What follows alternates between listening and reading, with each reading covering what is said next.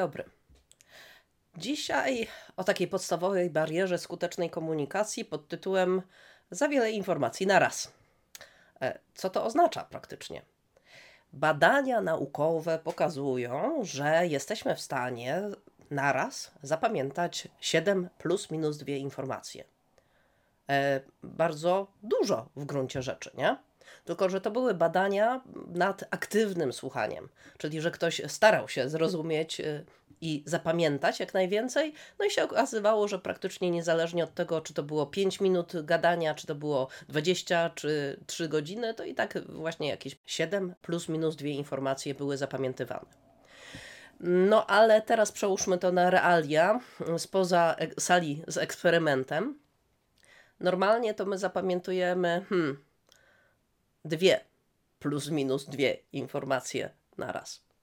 E, czasami z tym naciskiem na e, dwie minus dwie. Podam przykład. E, pewne małżeństwo wybrało się na wakacje letnie w bardzo przyjemne miejsce i w momencie, kiedy się pakowali, to żona powiedziała do męża: Słuchaj, Wiesz co, to jest naprawdę świetny hotel. Ja już tak wstępnie pytałam i oni też w czasie ferii zimowych e, prowadzą w tym ośrodku e, normalnie spotkania, normalnie można zanocować, jest też basen, więc wiesz, super. Spróbuj e, może zorientować się co do cen, zarezerwować z dzieciakami pojadę na ferie.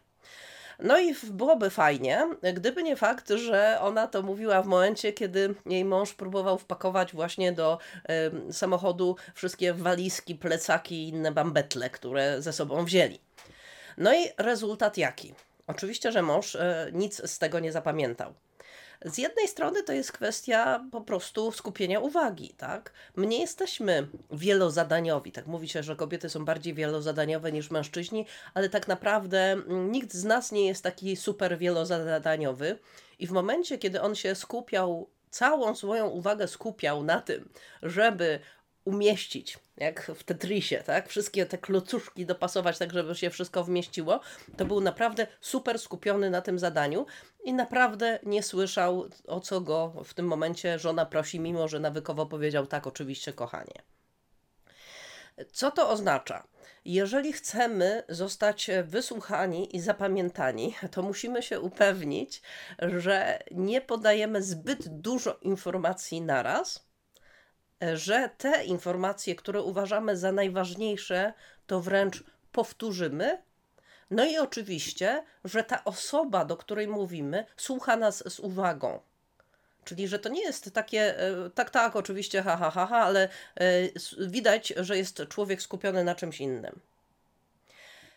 Właśnie dlatego, chociaż mogłabym e, opowiadać o tych barierach skutecznej komunikacji bardzo długo, to ja wolę e, omówić je po jednej. Czyli ta pierwsza bariera skutecznej komunikacji to jest podawanie zbyt dużej ilości informacji naraz i to w dodatku do osoby, która nie słucha ze zrozumieniem.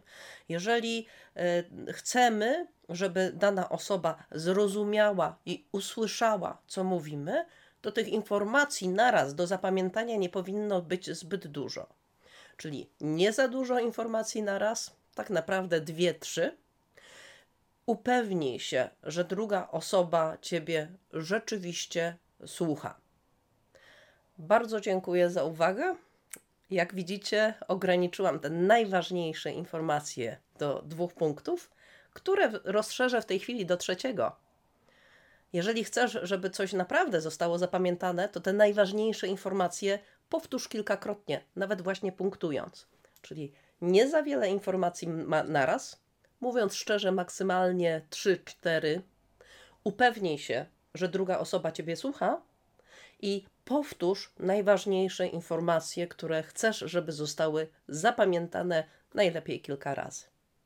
Bardzo dziękuję za uwagę.